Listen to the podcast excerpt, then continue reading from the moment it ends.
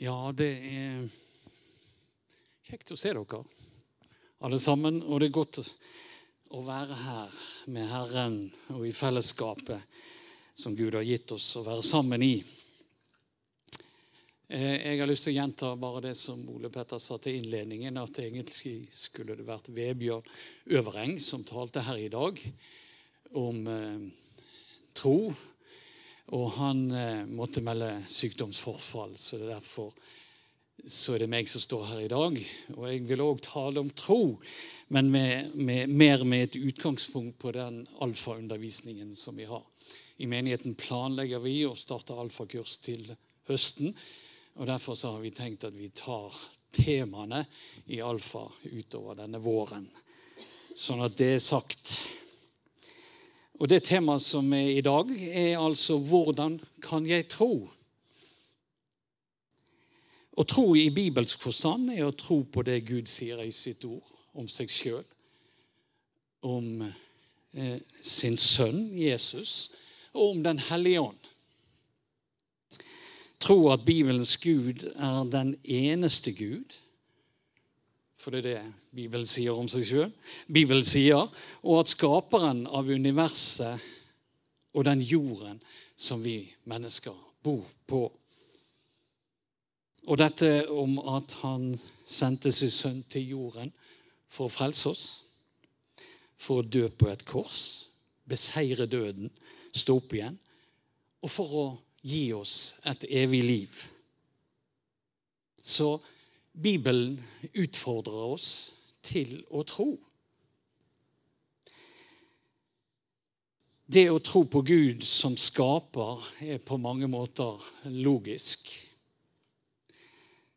Ved kvelds en dag spurte en syv år gammel gutt faren hvorfor han takket Gud for maten som kom fra butikken. Faren løftet opp et rundstykke og spurte sønnen hvor kommer denne fra. Fra butikken, svarte sønnen. Hvor fikk de den fra? Jeg vet ikke. Fra bakeriet.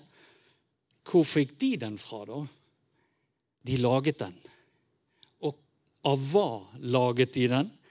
Fra mel. Ja, hvor kommer melet fra? Fra hvete.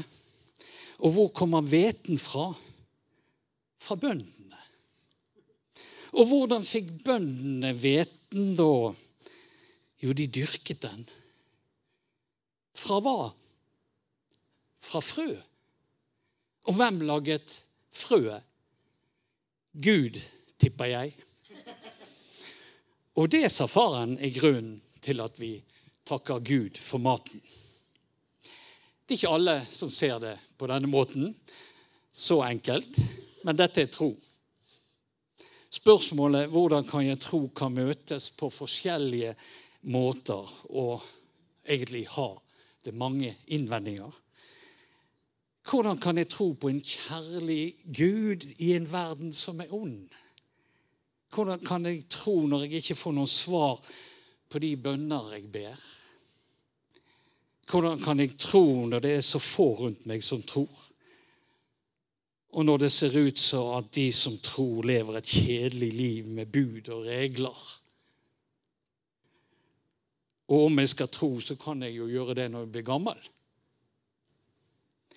Hvordan kan jeg tro på Bibelen når den er selvmotsigende? Og når de som studerer den, er uenige om hvordan den kan tolkes, og det som står der? Mennesker har til alle tider arbeidet med spørsmål om tro. Og for oss, for meg inkludert, som tror på Bibelen, Guds ord, så ser vi at den snakker om tro på flere forskjellige måter. Bibelen snakker om de som tviler, og om det å tro er et valg vi tar. Og selv utfordrer Jesus oss til å tro. Ole Petter var inne på Thomas i åpningen, og eh, Jesus sier til Thomas, 'Kom med fingeren din. Se, her er hendene mine. Kom med hånden og stikk den i siden min.' Og vær ikke vantro, men troende, sier Jesus til Thomas. Altså Bibelen og Jesus utfordrer oss til å være troende. Bibelen snakker videre om at troen er levende, for den fører til noe. Jakob sier, 'For som kroppen er død uten ånd, er troen død uten gjerninger.' Sterke ord. Men det betyr at troen fører til noe. Det er liv. Det skjer noe når vi tror. Og så snakker Bibelen om at troen skal prøves. Derfor kan dere juble av glede, selv om dere nå en kort tid, om så må være, har det tungt i mange slags prøvelser. Slik blir troen deres prøvet selv forgjengelig gull, som er mye verd, må også prøves, så den kan bli til pris. Nei, men troen, prøvet i ild, men troen som er mye mer verd, må også prøves, så den kan bli til pris og herlighet og ære for dere når Jesus Kristus åpenbarer seg. Altså, troen har en klar hensikt og den må prøves. Den skal vokse og utvikles i våre liv. Troen er viktig, og den er en selvsagt og grunnleggende del av det å være en kristen. Og vi kaller oss gjerne for troende. Jeg vet ikke.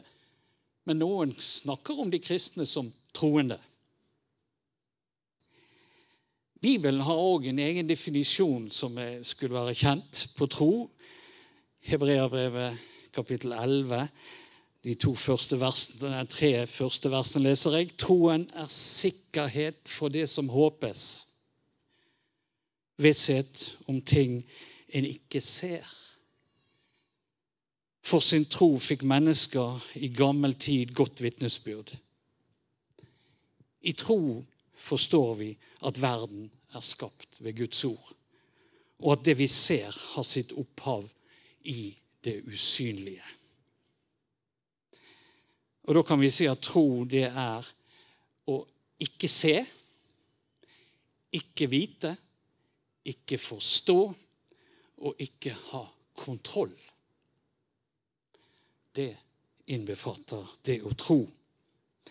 Og etter at Hebreasbrevets forfatter i dette kapittel, kapittel 11 nevner flere eksempler fra historien, som vi har det i Skriften, over de som utrettet ting i tro, så konkluderer han i det første verset i kapittel 12.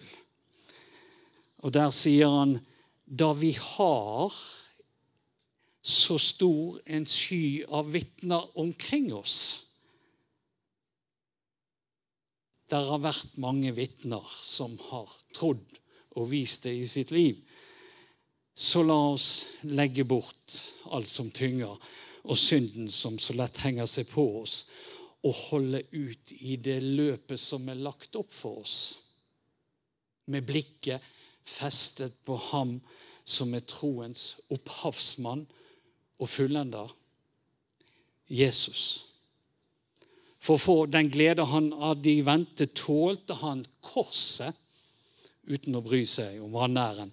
Og nå har han satt seg på høyre side av Guds trone. Ja, tenk på ham som holdt ut en slik motstand fra syndere, så dere ikke blir trette og motløse.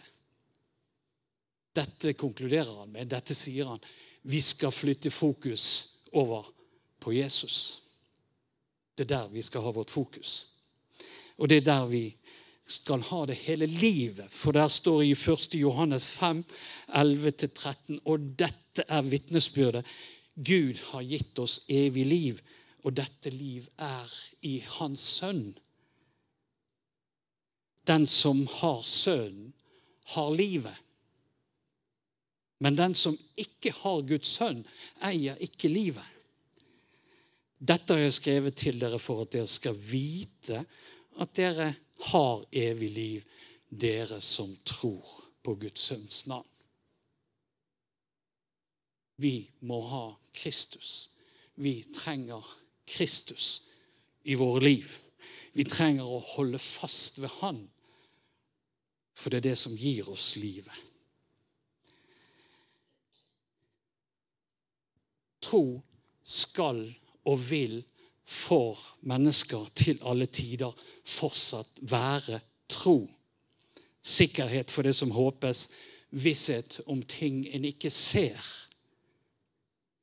For neste generasjon og de generasjonene som kommer etter, skal selv bli stilt overfor spørsmålet og valget om å tro eller la det være. Gud har ikke lagt en konklusjon som er åpenbar i en generasjon, eller han gjorde ikke det blant disiplene, som var de første. Nei, han vil at vi skal tro på han og det han sier. Vi skal alle bli stilt på valg. Og Jesus sier det sånn Se, jeg står for døren og banker. Om noen hører min røst og åpner døren, da vil jeg gå inn til ham og holde måltid, jeg med ham og han med meg. Åpenbaringen 3.20. Maleren Holman Hunt levde på 1800-tallet. Han malte et bilde etter inspirasjon fra dette verset. Bildet fikk ikke så stor oppmerksomhet i begynnelsen, men eh, når kunstkritikeren John Ruskin skrev i The Times og forklarte symbolbruken og erklærte det som et av de beste sakrale og hellige kunstverk produsert i det 18. århundret. På bildet så ser vi Jesus, verdens lys, stå ved en dør. Denne døren er overgrodd av ville vekster. Døren representerer klart døren inn i noens liv. Denne personen har ikke invitert Jesus inn i livet, for Jesus står på utsiden ved døren og banker, og han venter på svar. Han vil komme inn og bli en del av denne personens liv. Og Naturligvis var det noen som fortalte maleren Holman Hunt at han hadde gjort en feil når han malte dette bildet. De sa at han hadde glemt å male dørhåndtaket. Og nei, svarte Hunt, det er bevisst. Der er bare ett dørhåndtak, og det er på innsiden. Dette er utfordringen og valget som hvert enkelt menneske står overfor. For vi må selv åpne døren til vårt hjerte og slippe Jesus inn i vårt liv. Han vil aldri tvinge seg på. Det vil han aldri gjøre. Vi har valget, vi har friheten. Og det er opp til oss å åpne døren og slippe han inn. Og hvis vi åpner døren, så lover han å komme inn og holde måltid. Han vil komme inn å ha fellesskap med oss. Han inviterer seg sjøl til fellesskap med oss. Og han lover òg at han aldri vil forlate oss. Overfor den enkelte av oss så kaller Gud oss til å tro på seg og til å åpne opp våre liv, slik at han kan komme til med sitt nye liv. Nikodemus, som flere av oss kjenner til som en av jødenes rådsherrer, altså en som hadde studert Skriftene i Det gamle testamentet. Han kom til Jesus om natten i ly av mørket. Og han bekreftet Jesus som en som kommer fra Gud. Han hadde begynt å tro Nikodemus. Jesus svarer han, sannelig, sannelig, jeg sier deg, ingen kan se Guds rike hvis han ikke blir født på ny. Og I første Johannes brev knytter Johannes troen til denne fødselen. Første Johannes 5, 1-5. Enhver som tror at Jesus er Kristus, er født av Gud. Og den som elsker Gud, elsker også det som er født av ham. Kjennetegnet på at vi elsker Guds barn, er om vi elsker Gud og holder Hans bud. Å elske Gud er å holde Hans bud, og Hans bud er ikke tunge. For alt som er født av Gud, seirer over verden. Og det som har seiret over verden, er vår tro. Hvem andre seirer over verden enn den som tror at Jesus er Guds sønn? Det å tro er å tro på Jesus Kristus som frelser og sønn. Å tro på Jesus så slipper han til i våre hjerter, i våre liv, gjør at vi blir født av Gud. Og her i vers 4 som vi leste, står det noe viktig. For alt som er født av Gud, seirer over verden. Å være født på ny av Gud gir oss altså seier over verden. Og det som har seiret over verden, er vår tro, leste vi. For når du har tatt imot Jesus, så har du kommet inn i et nytt rike. Et rike der Jesus har seiret over synd, sykdom og død. Så det er altså vår tro på Jesus som gir oss seier. Seier over verden betyr liv. Ja, et evig liv.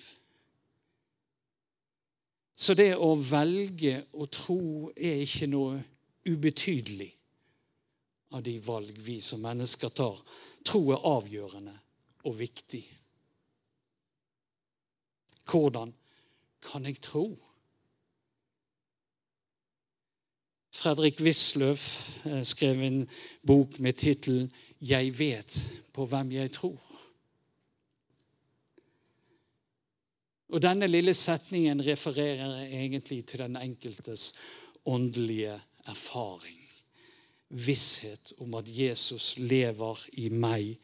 Jeg vet på hvem jeg tror. Vi kan tro ved å ta Guds løfter som er gitt oss i Bibelen, og, og våge å tro på dem. Satse på de. Satse på at Gud, det Gud sier, er sannhet, og at det han snakker om i framtid, en gang blir virkelighet. Men det å, å slippe Jesus inn og våge å tro, da får vi erfaringen. Og jeg kan for min egen del ikke la være å tro på Bibelen som Guds ord. For mitt liv, det ble forandret i et nu. I et sånn var det. Og alt Edith gjorde, var å lese nå et avsnitt fra Bibelen. Ingenting annet. Vi var hjemme i vår egen seng, og mitt liv ble snudd opp ned i sengen når jeg lå der. Så når det i Bibelen står at Guds ord er levende og virkekraftig, så kan jeg skrive under på det som en sannhet. For det har jeg virkelig erfart i mitt liv. Og det jeg har satset på etter denne opplevelsen, det har holdt. Gud kalte meg etter det til tjeneste. Og han åpnet dører for meg i mitt liv og la til rette for tjenesten på en forunderlig måte. Jeg kunne ikke klart å regissere det om jeg hadde prøvd. Og det var ned til den minste detalj, og det var mange mennesker involvert i det. Og en tidsplan som bare gir meg visshet om at Gud står ved sine løfter. Det er min erfaring med Gud, med Hans ord og med liv. Og jeg kan si vi kan stole på Guds ord fordi at jeg har opplevd det. Det å stole på seg sjøl er gjerne ikke så lurt, og det har vi gjerne erfart noen og enhver av oss. Våre følelser kan fort fortelle oss feile ting. De er ikke alltid til å stole på. Følelser er så mangt og skifter gjerne alt etter omstendighetene vi har. Mens Guds ord er uforanderlig det til å stole på. Og når Bibelen forteller oss at Jesus elsker oss, og etter det viser oss ved å dø på et kors, så er det til å stole på. Jesus sto opp fra graven og lever i dag og skal en dag komme igjen og hente oss til seg. Tror vi det? Han sier dette og jeg så en ny himmel og en ny jord. For den første himmel og den første jord var borte, og havet fantes ikke mer. Og jeg så den hellige by, det nye Jerusalem, stige ned fra himmelen, fra Gud, gjort i stand som en brud pyntet for sin brudgom. Og jeg hørte fra tronen høy som sa, Se, Guds bolig er hos menneskene. Han skal bo hos dem, og de skal være hans folk. Og Gud selv skal være hos dem. Han skal være deres Gud. Dette er det vi har i vente, vi som tror. Og i Gud har i tillegg til løftene og det han beskriver oss her, bl.a. som vi leste nå, så har han gitt oss en pant på denne arven. et tegn som bekrefter sannheten. Og har du fått med deg det? Har du erfart det i ditt liv?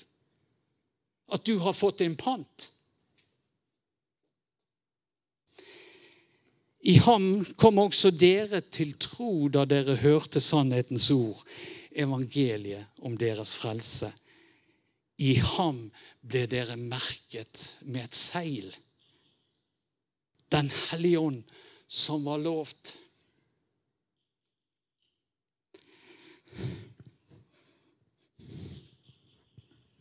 Han som er pantet på vår arv inntil Guds eget folk blir satt fri til lov og pris for Hans herlighet.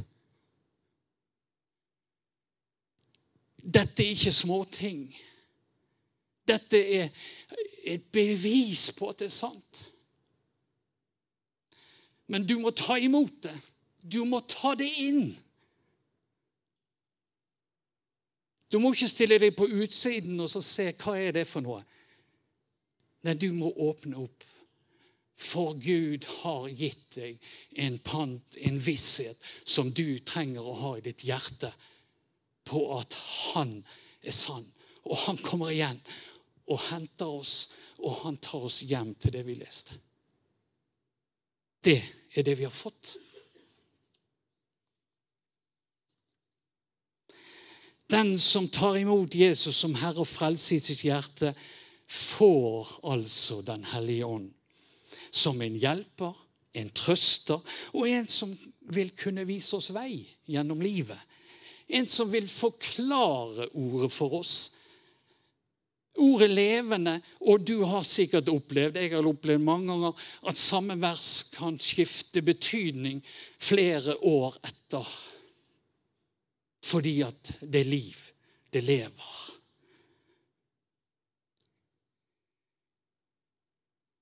Og så formidler han Den hellige ånd det Jesus vil ha sagt til oss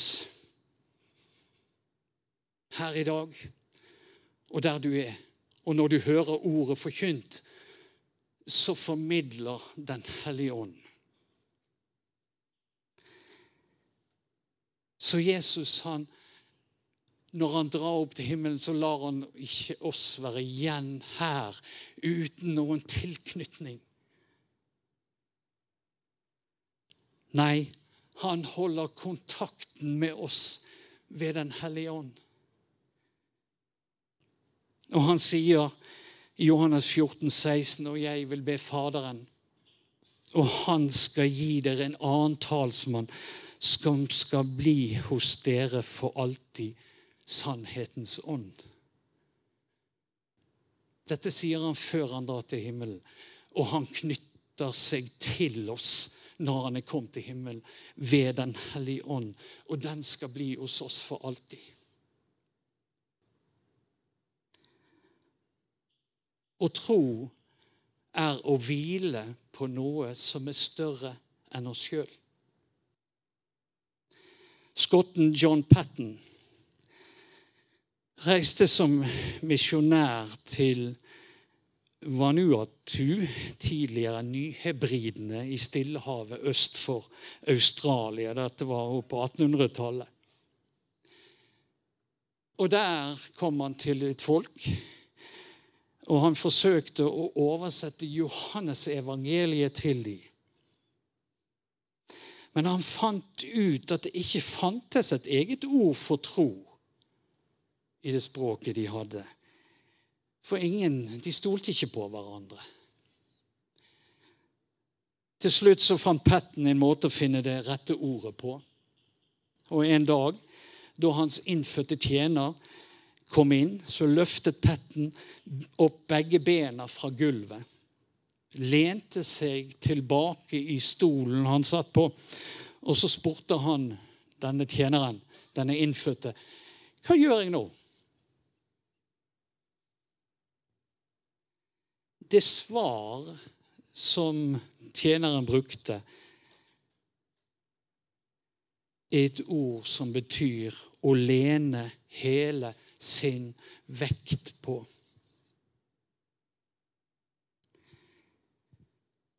En dag Ja. Dette ble det uttrykket som Patten brukte i det språket om å tro. Så tro, det er ikke en prestasjon.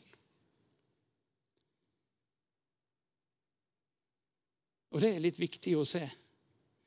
Vi kan velge det, men vi skal ikke prestere noe med det. Men tro, det er å lene hele vår vekt på Jesus Kristus og det han har gjort for oss på korset. Der skal vi være. Det er sånn vi skal leve. Det er Han vi skal gi alt til. Det er Han vi skal hvile på, for det er Han som bærer oss. Han bar oss gjennom korset, gjennom lidelse og smerte, gjennom oppstandelsen og inn til et nytt liv. Og han har sagt at vi skal gå etter. Og dette skal vi få lov å hvile i. Vi skal lende oss tilbake. Vi trenger ikke å kave.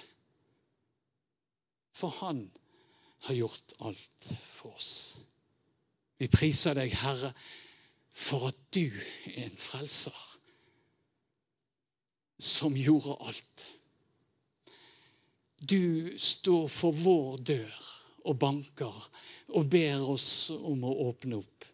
For du vil komme inn og ha fellesskap. Og du vil vise oss vei. Du har ikke forlatt oss.